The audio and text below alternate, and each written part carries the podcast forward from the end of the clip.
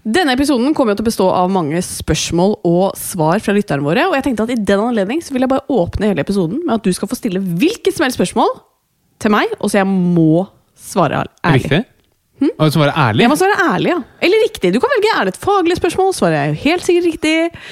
Er det et eh, personlig spørsmål? Hvor mange kvinner lever i Norge? Hvor mange kvinner lever i Norge? Trenger ikke å gjenta spørsmålet, bare svar. Det er tre millioner Nei, vet du hva? Det er jo, det er tre millioner 600. Ok, Så totalt folketall i Norge er ifølge deg 5,9 millioner. Ja. Og, og, og 3,6 millioner, hvordan forholder det seg 3, millioner og 600. Ja. Ikke 3,6. Å ja. Ja, ja, ja. Ah, 3 millioner. Ok, sånn ja. ja. Men eh, det er sikkert ikke så gærent. Men vi er vel ca. 5,4 millioner. ja. Men hvor sikkert- mange kvinner? Nei, 50% er 2,7, da. Altså, vet du dette? Nei, men jeg vet at det er 5,4 millioner mennesker i Ja, men det, Norge. Men det er jo ikke sikkert det bor 50 eh, at 50% av de er kvinner. Når det er så store tall, så er tallet ganske nærme 50% Nå er det statistiker Harald Doble som er med oss i Ja, dag. faktisk. Ja. Og hvem er det som er med oss i dag? Er det leder i Idiotforeningen, Katrine Flatland? Jøss, dette blir en hyggelig episode. Nei, det blir så hyggelig. Ja, det blir så hyggelig. Det Men 2,7 millioner, da. Ish. Eller tre. Det er mye kvinner. Det er mye kvinner. Tror dere alle hører på oss? Ja, vet du hva, det er jeg ganske sikker på. Og Oi. det er jeg veldig glad for. Shout-out til all women.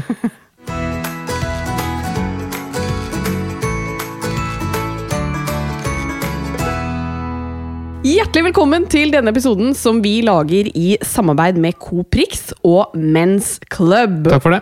Og dette er jo da en episode som skal handle om kvinnehelse og mensen. Og vi skal svare på mange av de spørsmålene som dere lyttere har sendt inn til oss. Og jeg må si at um, da jeg spurte på Instagram om dere hadde noen spørsmål om kvinnehelse, så var altså responsen overveldende. Jeg var forberedt på at det var veldig mange som hadde spørsmål rundt eh, mensen og kvinnehelse, men jeg var faktisk litt overrasket over hvor eh, stor responsen var, og det syns jeg er veldig, veldig gøy. Er det selvskryt? Nei, det er jo ikke selvskryt. Det er jo egentlig, Jeg vet ikke om vi skal ta det som hva vi skal tolke det som. For det, det er jo veldig bra at folk har interesse for kvinnehelse. Men eh, kanskje er det et tegn på at man ikke har nok kunnskap der ute. Eh, fordi det er så mye vi lurer på, og at folk kanskje syns det er vanskelig å finne gode kilder da, til kunnskap. Og det er der du kommer inn i bildet, Harald. Eh, ja, det gjør jeg. Ja, Og det er jeg veldig glad for. Jeg skal øse av min enorme kunnskap. Veldig, veldig fint. Eh, Og det fins vel få som bedre trenger en god øse med kunnskap enn deg, min kjære kone. Takk som spør, men jeg føler faktisk at kunnskapen er ganske høy om dagen. Ja, den er faktisk det. Det Ja. er veldig gøy. Du studerer jo. Ja, Nærmere og nærmere avsluttende eksamen for å bli ekte lege. ja, Så det er, det er godt å kjenne på. ja det er jeg helt enig i. Og så vil jeg jo veldig gjerne skryte av denne episodens samarbeidspartner, som da er Coprix og deres mensklubb, Fordi de vil jo at vi skal lage denne episoden. Nettopp fordi de ønsker å bryte ned tabuer og normalisere noe så hverdagslig som mensen.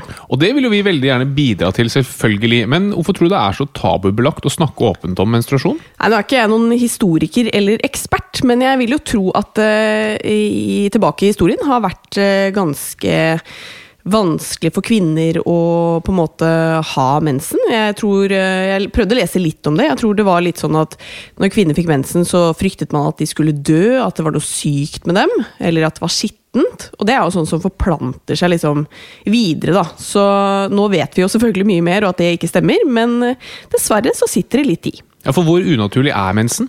Eh, det er jo helt naturlig! Det er jo kanskje det mest naturlige vi har. Ja, det er jo det, og det som også er veldig fint med mensen, er jo at det er jo det som gjør at vi kan bli gravide og få barn. Men det er jo kanskje ikke alle som helt sånn intuitivt skjønner hva mensklubb er for noe, Harald. Kan ikke du bare fortelle kort hva det er? Ja, det forteller jeg veldig gjerne. Og det jeg gjerne vil legge til, det er at alle Coop-medlemmer er automatisk med i Mensklubb. Og hvis du er med i Mensklubb, da får du 50% rabatt på alt av mensprodukter som tamponger, bind og truseinnlegg hos Coop Prix. Og hvis du tar den rabatten, altså 50% ganget med antall kvinner i Norge, da får du en gigantisk rabatt! Så her, kjære kvinne, kom deg til Coop Prix. Eller mann, de kan også dra på Coop er og handle i mensklubb. Da får du en enda større rabatt. Gjør du det? Ja, Hvis du ganger rabatten med antall mennesker i hele Ja, Norge. det er sant. Blir en gigantisk rabatt! Og du vet hvem som er dronninga av rabatt? Det er min kjære kone. Jeg er jo medlem i eh, de fleste medlemsklubber som gir eh, rabatter. Også i mensklubb. Jeg er medlem i mensklubb. Jeg måtte jo bli det da jeg skjønte at det var eh, penger å spare. Og så er det sikkert mange som lurer på hvordan man kan bli medlem i mensklubben, og det bør man jo bli, for da kan man spare en god del penger. Og det er lett å bli medlem for alle som er Coop-medlem. De er jo automatisk også med i mensklubb. Og du kan sende en SMS med kodeord COOP til 7330 for å bli medlem. Eller så kan du gå inn på coop.no om du ønsker mer informasjon, eller du vil melde deg inn der. Kan menn bli medlem? Menn kan bli medlem, for det som også er et poeng, er at du skal kunne gå på butikken for meg og kjøpe disse sakene. eh, Og du skal også få rabatt. Er det dyrt å ha mensen? Ja, det er det absolutt. Eh, Så, og man trenger jo selvfølgelig mange forskjellige produkter. ikke sant? Eh, I starten av menstruasjon så ble man ikke så mye, så ble man litt mer. og Så ja. Så jeg er veldig glad for at dette tilbudet finnes. For det er mye rabatt. Det er mye rabatt. Det blir billig, 50%. billig. Jeg er veldig glad i mye rabatt, og 50% det er billig, billig. Ja, det er bra. Det er bra.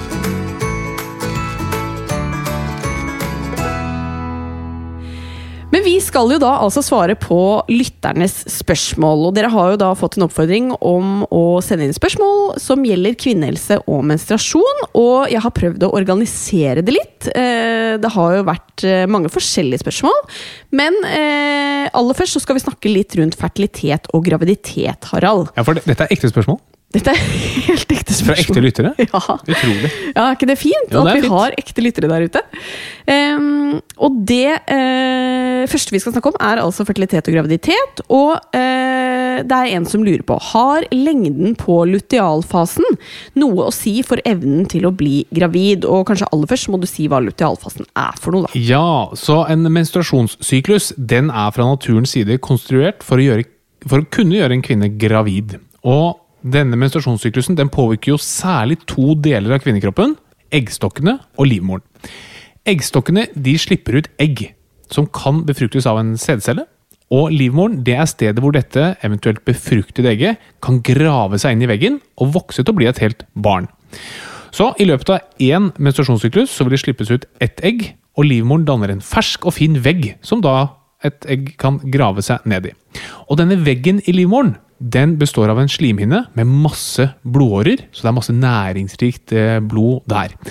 Men kroppen vil jo gjerne at denne veggen skal være så fersk som overhodet mulig. Så det kroppen gjør, er at den bytter ut denne veggen, denne slimhinneveggen i livmoren, hver eneste måned. Og når den veggen byttes ut, da sendes det ut av skjeden som en menstruasjon. Ja. Så lutealfasen det er tiden mellom eggløsning og menstruasjon. Så det er den tiden egget har på å slippes ut av, um, av eggstokken. Og den skal ligge og vente i livmoren på at det skal komme en sædcelle og befrukte egget. ja. Så hvis denne lutealfasen er for kort, så har ikke egget nok tid til å bli befruktet. Nei, og normalt så skal lutealfasen være på 14 dager. Ja. Ja.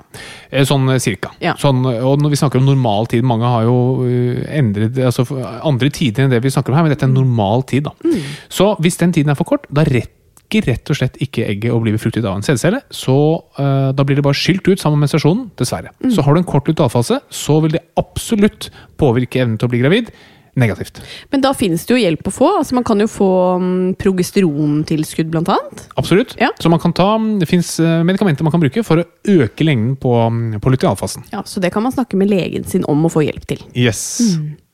Men så er det jo også øh, slik at øh, vi blir jo seinere gravide nå enn man gjorde før. Og det er en som lurer på i hvilken alder er det lurest å prøve å få barn? Og spørsmålet er jo sikkert hvor, hvor, når er man mest fertil, da? Ja, ikke sant? Fordi det er en grunn til at man får barn senere og senere. Det handler gjerne om utdanning og karriere osv.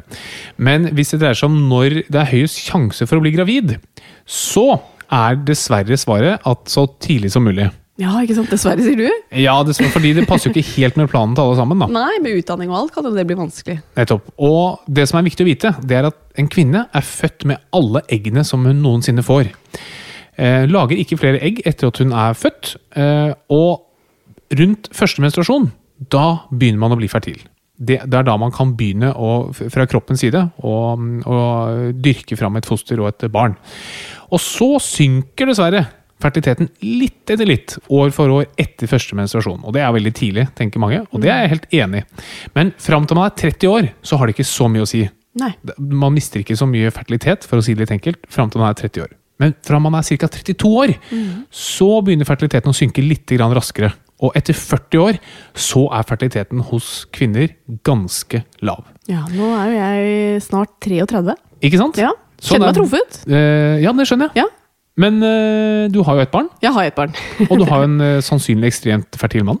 Ja, helt sikkert veldig fertil mann. Og så vil jeg gjerne legge til, Det finnes jo faktisk en måte å snike seg rundt dette her på. Ja, og det er Med dagens moderne teknologi, og det er å fryse ned egg. Mm. Så det finnes jo fordeler og ulemper med det, men, men eh, en viktig grunn til at fertiliteten synker, er at eggkvaliteten rett og slett blir dårligere. Mm. Så hvis du fryser ned egg som uh, ung og sprek, så slipper du å gå rundt og tenke så mye på dette her. Mm. Men for å svare konkret på spørsmålet, jo tidligere eh, du prøver å få barn, jo større er sannsynligheten for at du får det, men du trenger ikke å tenke på det før du er 30. Nei. Eh, og så fikk jeg veldig mange spørsmål fra lytterne våre om det som heter PCOS. Og jeg tenkte at eh, du skulle få lov til å svare på hva det egentlig er for noe, og hvorfor eh, det kan være vanskeligere å bli gravid hvis man har dette. Ja, altså PCOS det står for polycystisk polysystisk ovariesykdom. Eh, og det er en tilstand hvor man som kvinne har hormonforstyrrelser. Og eh, i all hovedsak så dreier det seg om at man har litt for mye mannlige kjønnshormoner. Og det gir menstruasjonsforstyrrelser og manglende eggløsning. Og fordi man ikke får denne eggløsningen, da synker jo muligheten for å bli gravid. Man må jo ha eggløsning for å bli gravid, men de med PCOS du har sjeldnere eggløsning enn vanlig. vanlig. Så dessverre så påvirker PCOS muligheten for å bli gravid. Det er lavere mulighet for å bli gravid når man har PCOS. Men så finnes det jo hjelp, da. Ja. Heldigvis. Masse god medisinsk hjelp man kan få, som gir eggløsning. Sånn at totalt sett, hvis man går og får hjelp, da har man ikke så mye redusert risiko for å bli gravid. Ok, Men man må jo på en måte finne ut at man har det, da. Absolutt. Ja. Så det, og det er jo en ting Det er kanskje altså, Ulempen med det offentlige helsevesenet som, eh, det, det offentlige helsevesenet har masse styrker, fantastisk, men ulempen er at du får ikke sånn fryktelig mye hjelp for fertilitet før du har prøvd å bli gravid i ett år. Nei. Og ett år det er fryktelig lenge hvis du prøver å bli gravid. da.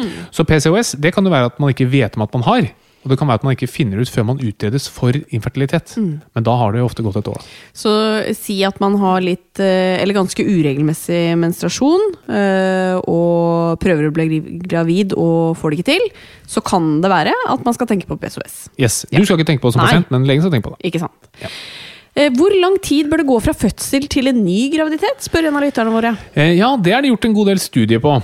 Og først vil jeg bare si at det er ikke noe farlig om det går kort eller lang tid. Er du blitt gravid, så er det superbra, så lenge det er det du har lyst til. da. Eh, Ikke, du trenger ikke å tenke på noe hvis det er veldig kort tid etter forrige svangerskap. Men hvis du kan velge helt fritt, og ikke trenger å tenke på andre ting som egen fertilitet eller livssituasjon, eller noe annet, så er det optimale rent medisinsk å vente mellom ett og to år fra fødsel til neste svangerskap. Det ser ut som at dette tidsintervallet gir lavest risiko både for mor og barn, men det er veldig små forskjeller. Igjen, det er dette her med at Når man studerer veldig veldig mange mennesker, så kan man oppdage ørsmå forskjeller. Så hvis du har akkurat født og så blitt gravid på nytt, fantastisk. Å, da må du bare feire. Ja. Og så har vi snakket om at det er en del eh, hjelp å få hvis man sliter med å bli gravid. Og da er det en som spør helt konkret hvilke medikamenter som kan hjelpe for å få i gang menstruasjon og øke fertiliteten. Ja, altså Det kommer jo helt an på hva som er årsaken til at du ikke har mensen, eller hvorfor mensen er uregelmessig. Det er jo veldig mye som skal klaffe for at man blir gravid. Og husk at en kvinne er jo bare fertil ett til to døgn i løpet av en menstruasjonssyklus. Altså i løpet av en måned. da. Og ca. 60 de blir gravide hvis de prøver i tre måneder. Og 85 vil bli gravide hvis de prøver i løpet av tolv måneder. Eh, Men hvis du ikke har mensen, eller uregelmessig mensen, da bør du undersøkes av lege. For det kan være mange forskjellige årsaker som må utredes. da. Ehm, og det kan være helt ufarlige ting. Som en, eh, hvis du slanker deg litt eller trener veldig hardt, så påvirker det menstruasjonssyklusen. Så det betyr ikke at det er noe farlig, men det kan være lurt å få det undersøkt. Men hvis man skal gi et generelt råd til alle for å øke fertiliteten, så gjelder de gode, gamle, kjedelige rådene. Jaha. Ikke røyke. Spise sånn tålelig sunt. Bevege seg sånn passe mye. Um, og så kan man jo da gjøre denne nye medisinske snarveien. Frysende egg. Og da er vi egentlig over på nettopp det med menstruasjon, for eh, denne episoden er jo i samarbeid med Coop Rix og Men's Club, og da er det naturlig at det handler litt om eh, mensen. Eh, og så minner jeg bare om at dersom du har mensen, eller kjenner noen som har mensen, og vil at den personen skal bruke litt mindre kjedelige penger på det, så kan du hos Coop Rix få hele 50% på mensprodukter som bind, tamponger og truseinnlegg dersom du handler hos Coop Rix og er medlem i Mens Club.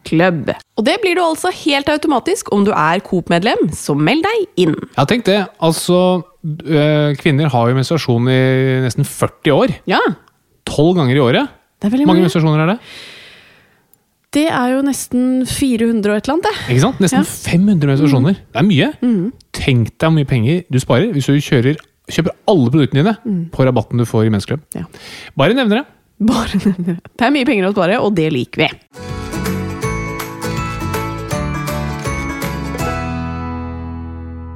Så la oss snakke litt om menstruasjon, og her er et spørsmål som treffer meg midt i hjerterota, og sikkert deg også, for du lever jo med meg. Eh, hvorfor veksler humør, form og vekt i en syklus? Altså En menstruasjonssyklus det er jo som nevnt, eh, den er der for å kunne gjøre en kvinne gravid. Og selv om en menstruasjonssyklus bare i hermetegn skal påvirke eggstokkene og livmoren, så skjer det via hormoner. Og disse hormonene de skilles ut fra mange steder i kroppen, også i hjernen. Og disse hormonene de, det er et sånn orkester av hormoner Ja. som går gjennom en menstruasjonssyklus. Noen blir høye, noen blir lave, og det veksler veldig. Og disse hormonene de påvirker også dessverre, mange deler av kroppen. Ikke bare eggstokken og livmoren. Eh, og de påvirker jo bl.a. sultfølelsen vår, de påvirker humøret vårt, de påvirker vannbalansen i, i kroppen, for å nevne noe. Særlig dine. Ja, Særlig men jeg sa kroppen vår. Det er jo først og fremst kroppen din og til kvinner. Men Ja. hormonene hadde jo påvirket meg også, hvis jeg hadde samme eh, syklus. Men merker du forskjell på meg? Eh, nei, men du bruker prevensjon. Ja. Og husk på det at prevensjon er jo en snarvei til å ikke ha disse svingningene. Ikke sant? Fordi du istedenfor å ha høye og lave nivåer som endrer seg, så har du bare jevnt lavt nivå i kroppen. Men det er jo veldig mange som sier at de føler at de får mye bivirkninger av prevensjon. Eh, Ja, og det er det nok. Det skrives ut veldig mye dårlig prevensjon. Hva er dårlig prevensjon? Eh, Nei, altså Veldig ofte så får man eh, prevensjon forskrevet basert på hvilken prevensjon den som forskriver, kjenner til. Ja. Men man må jo selvfølgelig finne hvilken prevensjon som er best til pasienten som skal få det. Skjønner. Og så Det har nok vært en veldig endring i de siste årene. At folk tror at prevensjon er dumt og kunstige hormoner og proppe, full av, eh, proppe kroppen full av hormoner. Det er feil. Det er veldig mye fordeler med prevensjon. Fordi du slipper denne her fryktelige svingningen. Men det må være riktig prevensjon. Min kjepphest er prevensjon skal alltid gi økt livskvalitet. Ja. Husk det. Ellers så skal du ikke si deg fornøyd. Ellers skal du ikke være fornøyd. Nei. Da skal du gå tilbake og si hei, jeg har fått en person, ikke fornøyd. Ikke fornøyd deg. Da må du bytte. Ja. Men eh, så er det jo veldig mange som også har lurt på dette med menstruasjonsendringer og koronavaksine. Vet man noe mer om det er en eventuell sammenheng der? Mm, Ja, litt for lite foreløpig. Men det man vet, det er at veldig mange har opplevd menstruasjonsforstyrrelser etter koronavaksinen. Men det vi må huske på, er at 40 opplevde menstruasjonsforstyrrelser også før koronavaksinen. Ja. Så det er veldig mange som opplever hormonforstyrrelser i forkant. Så vi skal huske på dette her med årsak versus tilfeldig sammenheng i tid. da. Når det blir veldig stort eh, fokus på noe, så er det veldig mange som eh, begynner å kjenne ekstra etter. Men man så det, at eh, mange opplevde menstruasjonsforstyrrelser i forbindelse med koronavaksinen. Og det er jo liksom guffent. ikke sant? Man lurer Ja. på hvorfor er det sånn. Heldigvis så så man at de som fikk det etter første dose, så gikk det over etter eh, i gjennomsnitt to til tre måneder. Okay. Så var menstruasjonen tilbake igjen sånn som den var før. Men jeg skjønner jo at hvis det hadde klussa med min eh, syklus, at jeg hadde ikke likt det. At Nei, en vaksine kommer ikke. inn og virker inn på noe som menstruasjon. Nei, men Det er derfor jeg også sier at uh, er du ung og frisk, så skal du ikke ta dose tre. Nei. Og jeg, altså Husk, husk på det at leger er de største vaksineskeptikerne. Fordi leger aksepterer ikke å gi noen ting til friske mennesker hvis ikke det er godt dokumentert. Heldigvis er disse koronavaksinene veldig godt dokumentert. Ja. Men når det f.eks. gjelder spørsmål om dose tre, ikke ta den hvis du er ung og frisk. Det er i hvert fall min anbefaling. Og eh, Folkehelseinstituttets anbefaling. Ja. Også fordi vi vet jo ikke helt hvorfor de menstruasjonsforstyrrelser. Nei. Vi har jo hatt en eh, helt egen episode om endometriose. Eh, Det er også en eh, god del spørsmål som har kommet inn rundt det. og Blant annet så er det en som lurer på hvorfor får man vondt når man har sex hvis man har det? Ja, man får ikke det, men en del kan få det. Og endometriose det er jo da en tilstand hvor man har dette livmorlignende vevet utenfor livmoren. Så i livmoren så har vi jo da dette vevet som bygger seg opp for enhver menstruasjonssyklus. Det var det jeg sa, med slimhinner med masse blodårer. eh, som skal gjøre seg eh, fulle av blod og masse næring eh, til et eventuelt eh, befruktet egg. Men i hver menstruasjonssyklus så avstøtes da dette her, og det sendes ut som en, som en menstruasjon. Hvis dette vevet er utenfor livmoren, det er det som heter endometriose. Og dette skaper både smerte og betennelse og irritasjon utenfor livmoren. Fordi også dette livmorlignende vevet det vil også bygge seg opp i løpet av menstruasjonssyklus, og så avstøtes og blø da, og irritere noe fryktelig. Eh, og det gir masse, masse plager. Forferdelig vondt og plagsomt. Og det som kan skje, er at disse betente og irriterende områdene med livmorlignende vev utenfor eh, livmoren, det kan ligge sånn at det irriteres under samleie. Ja. Altså Enhver form for irritasjon og manipulasjon og liksom støting borti kan være fryktelig fryktelig vondt. Hva kan man gjøre da? Nei, det, Den enkleste og, og beste behandling for de fleste er å bruke prevensjon. Fordi du slipper igjen at dette vevet bygger seg opp under en menstruasjon. Ja. Fordi dette, Grunnen til at det bygger seg opp og sk- skaper betennelse, er jo, at du, er jo hormonpåvirkningen som skjer under en menstruasjonssyklus. ja. Jeg trodde du skulle si at var, da må man finne et annet hull. Og Og ha sexy. Ja. Nei, Jeg visste ikke at dette var en humorpodkast, men eh, la meg, la meg skru om svarene videre. Veldig fint hvis du kan eh, Kan det være en kombinasjon? Vi kan, kan det være lærerikt, men gøy? Ja. Spør meg igjen. Ja. hva kan man gjøre hvis man får vondt da? Ta den i rassen. Skal vi da ta på deg legehatten? Jeg tror vi tar på legehatten, Jeg tror vi tar på den, og så har du dem på, jeg. okay. Underveis. Kjempefint. Eh, men det må jo være lov å tulle litt også. Det må være lov. Ja.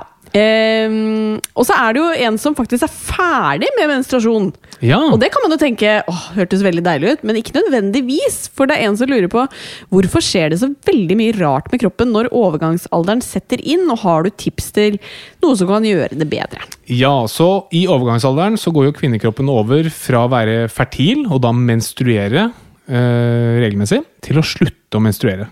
Og, en viktig, og, og så da også slutte å være fertil. Da. Og En viktig årsak til det det er at mengden østrogen i kroppen, altså det kvinnelige kjønnshormon, det faller. Og når østrogennivået faller, da får man en hel del ubehagelige symptomer som eh, Eller man kan få det, som da kalles disse overgangsplagene. Overgangsaldersplagene. Og det er typisk hetetokter, svettebyger, dårlig søvn og en del plager fra underlivet. Og dessverre så blir også både skjelettet og musklene mye svakere. Eh, og hva tror du behandlingen er? Østrogen! Ikke sant? Du må bare gi østrogen. Det, det kan man gi som tabletter til hele kroppen, eller det kan gis eh, lokalt i f.eks. underlivet, hvis det er der plagene er fra. Så det tror jeg nok også det brukes litt for lite av. Ja. Det brukes nok for lite eh, hjelp mot overgangsplager. Ja? Og kanskje har man vært litt forsiktig med det fordi det har vært diskusjon om det er kreftfremkallende, men det har man vel sett at hvis det gis på riktig måte og riktig dose, så er man ganske trygg. Absolutt. Ja. Og så må man huske på det at hvis man har mye plager, det er jo i seg selv er jo veldig lite sunt. Så hvis du øker kreftrisikoen med ett prosentpoeng, så er det ofte verdt det. Ja. Jeg, jeg, jeg er ikke noe for medikalisering, men jeg tror nok at det er en for stor frykt for medikamenter. At folk går rundt med unødvendige plager, og det er jeg veldig imot. Jeg leste jo om menopause så sent som i dag, faktisk, Oi. eh, i forbindelse med eksamen. Og da er mitt eh, quiz-spørsmål til deg, doktor Doblau. Eh, når er det vanlig å få menopause? Altså, når er det vanlig Hva er liksom gjennomsnittsalderen for å komme i overgangsalder? I Norge eh, 51,4 år. Nei, jeg tror det er 52, et eller annet. Eh, hva er tidlig menopause? Eh, før 42. Ja, altså Før 40 er prematur eh, menopause, og mellom 40 og 45 er tidlig. Ja, det riktig. Ja, Ja, ja, men jeg liker bare å briljere med ekstra kunnskap. ja det vet Ja, du gjør. De, de få gangene det er på plass. og i dag så var det det. Kanskje mest fordi du ikke kan sitte her med fasiten. Men jeg tror faktisk én av tusen tror jeg opplever å få det før de er 30. Ja, det stemmer nok. Og det er ganske mange. Mm. En av tusen. Ehm, og hvis du av en eller annen grunn må fjerne eggstokkene, f.eks., som da får du også umiddelbar menopause. Mm. Ja. Umiddelbart eh, klimakterium. Men, eh, men igjen, det fins da behandling mot en del av de ubehagelige virkningene. Og det er bra. Um, og så har jeg også lurt på dette med syklus og prestasjon. Og det er en som lurer på når er det man presterer best fysisk i syklusen sin? Har du noen gode tips til det? Ja, altså Hvis du har en naturlig syklus med, med disse svingningene i hormonene, så har man jo eh, man har forsket litt på dette de senere årene, og da har man sett at det ser ut som man presterer best rett før eggløsning. Okay. Altså rett før midten av syklus. Så veldig fint hvis de kan tilpasse OL For eksempel. til det. Cirka en uke etter menstruasjonen. Da. uh, og det er sannsynligvis fordi østrogennivået da er på det høyeste. Ja. Og østrogen det er jo et veldig flott hormon med masse positive effekter. Jeg lurer på om disse toppidrettsutøverne om de eh, går på prevensjon alle sammen rett og slett for å slippe menstruasjon når de holder på med disse toppidrettene? Ja, eventuelt om de faktisk trener bort menstruasjonen, for de trener så hardt. Ja, ikke sant? Det kan er også hende. Mm. Høres jo ikke helt sunt ut, det heller. Eh, nei, men husk på det at du kan jo veldig enkelt uh, kutte ut menstruasjonen helt, mm. også ved å bruke prevensjon. Ja. Og det er ikke farlig i det hele tatt. Du kan, du kan gå mange år uten menstruasjon. Hvis. Ja, men hvis du blir så lavvektig da, at du mister menstruasjon, så er det kanskje andre ting som Det er åpenbart ikke sunt. Og så skal vi snakke litt om utflod. Det er din favoritt, Harald. Eh, det vil jeg ikke si at det er, men jeg har ikke noe mot det heller. Nei, du er likegyldig.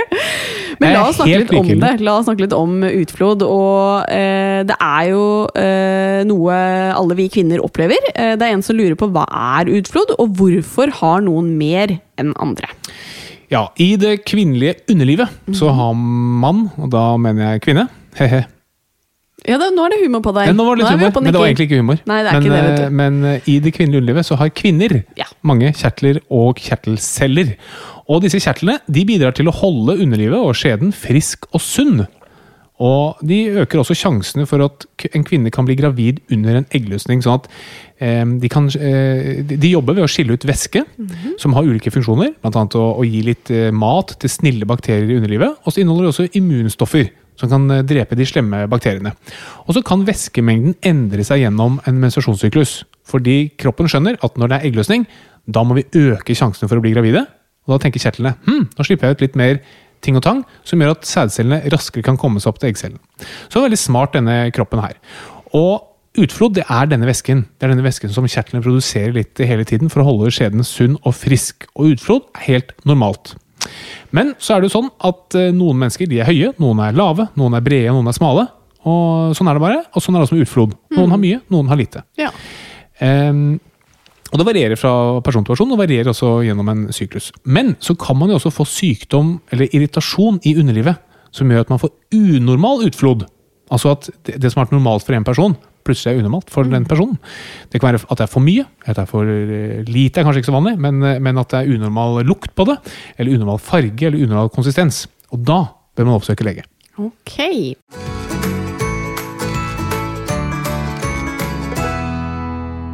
Og så er det jo en som lurer på, da, som har blitt 17 år, Harald, om eh, hun burde sjekke seg fordi hun enda ikke har fått menstruasjon. Ja, det burde du. Det burde hun, ja. Ja. Eh, de fleste vil ha sin første menstruasjon mellom 12 og 14 års alder.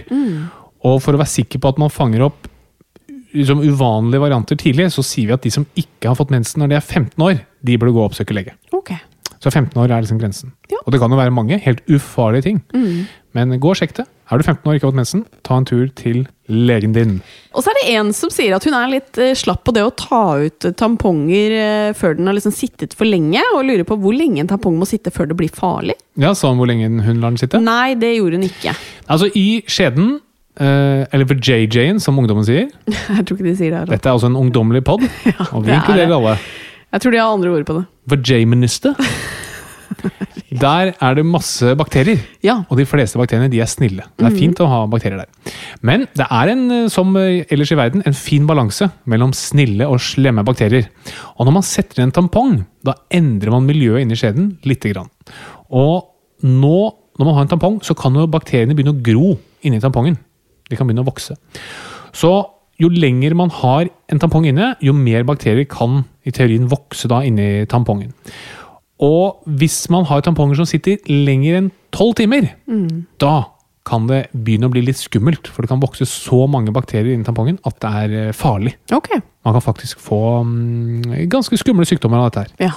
Så bytt tampongen i hvert fall hver tolvte time. Eh, det er en som også lurer på dette med eh, å følge med på naturlig syklus i en app, og bruke det som prevensjon. Hva tenker legen om det? Mm, ja, altså Som jeg har nevnt, så er det bare et par dager i måneden en kvinne kan bli gravid. Altså et par dager i en normal menstruasjonssyklus en kvinne kan bli gravid. Men sæden den kan leve i opptil fem døgn. Det betyr at det faktisk er fem døgn i løpet av en menstruasjonssyklus eller i løpet av en måned hvor man kan bli gravid. Så i teorien så kan man ut fra en sykluskalender se hvilke fem dager det er, og så kan man holde seg unna de døgnene. Problemet er at for at det skal gå, så må du ha en helt regelmessig syklus. Og det er det veldig mange som ikke har.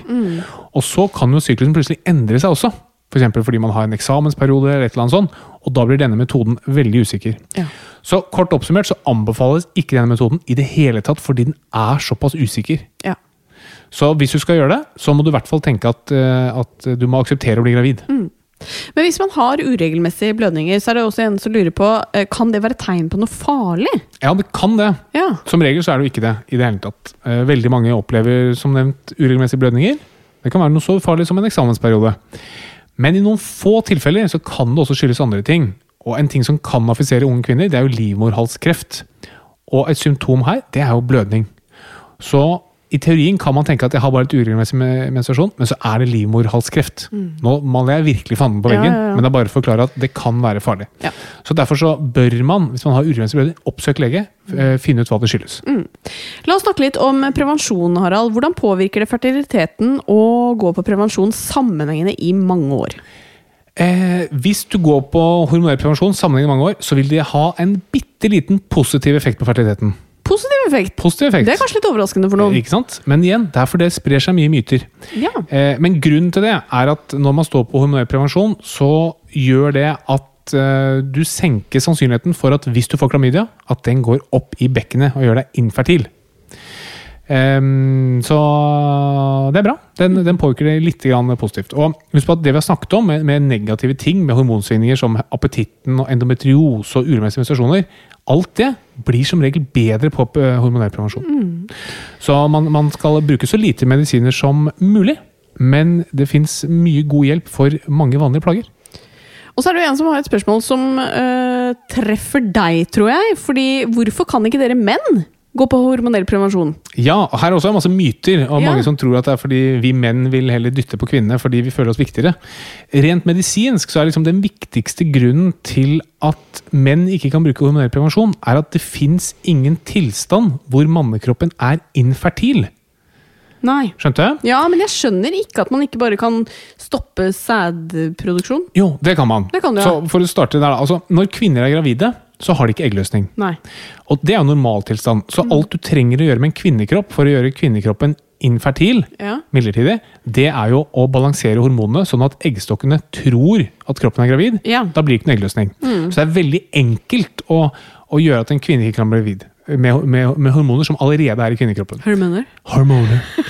Hvis du skal gjøre det for menn, Ja. så kan du også tilføre hormoner som påvirker sædcellene. Problemet er at bruker, um, sædceller bruker så lang tid på å lages at fra du begynner å ta prevensjonen, så må det gå mange uker, for ikke å si måneder, før mannen er infertil.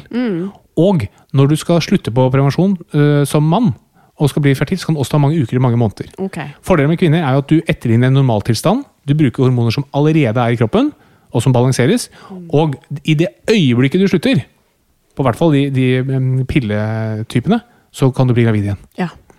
Men jeg helt, altså, jeg er helt enig, og, man, og det forskes jo på. Ja. Og dette er en viktig del i likestillingskampen. Men det er medisinsk sett mye vanskeligere å gjøre det for menn. Ok.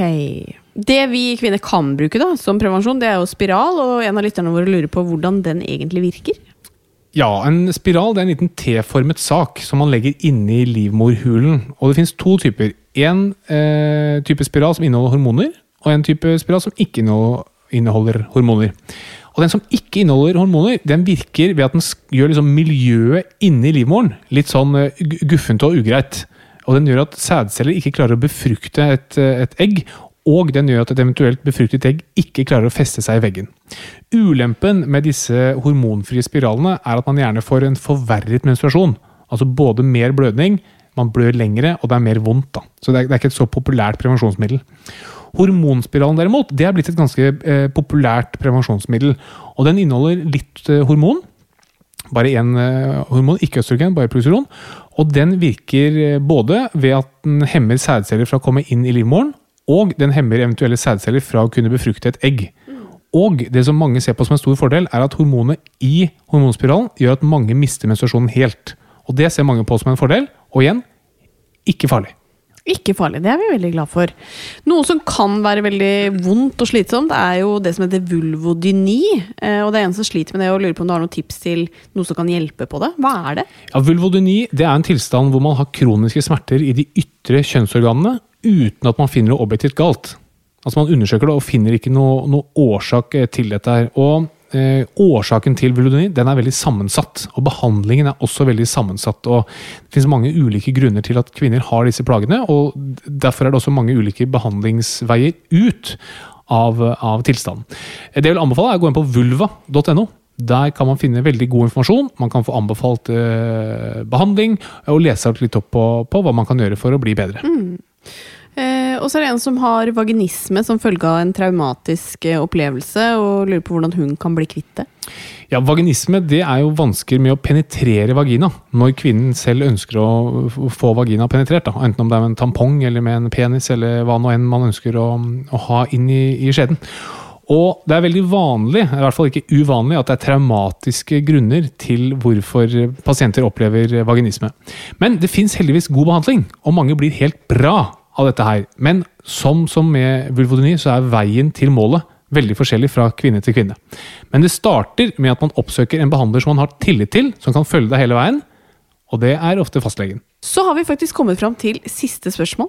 Oi! Ja, Det går fort. Eh, ja, jeg vet det, og jeg skulle gjerne stilt veldig mange flere spørsmål, men jeg tenker at eh, spørsmålspod og eh, en episode om kvinnehelse, det kan vi ha flere ganger. Ja, det var, dette var populære greier. Ja, så uh, tusen takk til alle som har stilt spørsmål, men her er altså det siste. Uh, og det gjelder HPV-vaksinering. Um, det anbefales jo nå unge, men er det vits når man er voksen? Ja, så kjapp forklaring. Livmorhalskreft det forårsakes i all hovedsak av et virus som heter humant papillomavirus, som forkortes HPV. Og dette HPV-viruset, som da gir livmorhalskreft, det smitter seksuelt. Hvis man tar HPV-vaksinen før man har sex med noen, så er tanken at da får du ikke HPV, og da unngår du å få livmorhalskreft. Veldig, veldig fint. Og jo flere man har hatt sex med før man tar HPV-vaksinen, jo mindre vil den jo beskytte. Vaksinen er godkjent opp til 45 års alder, og den har vist seg å ha god effekt også hos kvinner over 40 år. Men igjen, den beskytter jo mot nye HPV-virus, altså ikke de man allerede har vært i kontakt med. Eh, Så hvis du er 45 år, har levd med samme partner de siste ti årene, og planer om å bare ha sex med den partneren, da vil ikke den vaksinen ha noe særlig effekt. Ok. Men hvis du er 40 år, jobber som eh, prostituert f.eks., skal ha sex, sex med masse nye partnere, da vil du absolutt hatt den. Ja. Så må du se, hvor er du mellom de to ytterpunktene? ja. Jeg tror jeg vet hvor jeg befinner meg. Ja, hvor er du? Jeg er ganske trygg akkurat der. Eh, Nærmere førstnevnte? I, hva var den første sted? Eh, 45 år, fast partner, Ja, øh, og har planer om å kun ha sex med den partneren? Ja, ja det er meg. Godt å høre. Eh, kjære lyttere, tusen hjertelig takk for at dere har sendt inn masse spørsmål. Eh, jeg har skrevet ned eh, alle sammen i et dokument, så det vil si at det blir eh, mange muligheter fremover til at vi kan ha spørsmål spørsmålspodder og svare på spørsmålene deres. Vi glemmer det ikke, vi sletter det ikke. Vi tar vare på det og skal prøve i fremtiden å få svar på så mange som mulig. Fordi kvinnehelse, det er noe veldig mange lurer på. Ja. Over tre millioner, ifølge min kone. Over tre millioner. Og så vil vi jo bare si tusen hjertelig takk til Coprix, som vi har laget denne episoden sammen med. De har jo da virkelig et ønske om å sette kvinnehelse og menstruasjon på agendaen, sånn at ikke det blir et tabu, og sånn at vi kvinner skal eh, kunne snakke om det, og ikke minst også slippe å betale unødvendig mye penger. Derfor kan du som medlem i Men's Club få hele 50% på mensenprodukter, tamponger og truseinnlegg dersom du er medlem i Men's Club og handler på Coop Prix. Og om du vil bli med i Men's Club du også, så blir du det helt automatisk om du er Coop-medlem. Enkelt og greit. Så send en SMS til 2330 med kodeord Coop og meld deg inn du også, eller gå inn på coop.no om du vil ha mer informasjon. Smart. Veldig smart. Ses i kassa på Coprix, da. Vi ses i kassa på Coprix. Eh, Jeg vet i hvert fall eh, hvilken eh, klubb jeg er veldig fornøyd med å ha blitt medlem i, for det gjør at jeg sparer penger. Millioner. Millioner på sikt. Og de kan jeg bruke på deg. Takk. Tusen takk for at dere hørte på. Vi er tilbake neste uke. Ha det! Ha det! Plan B.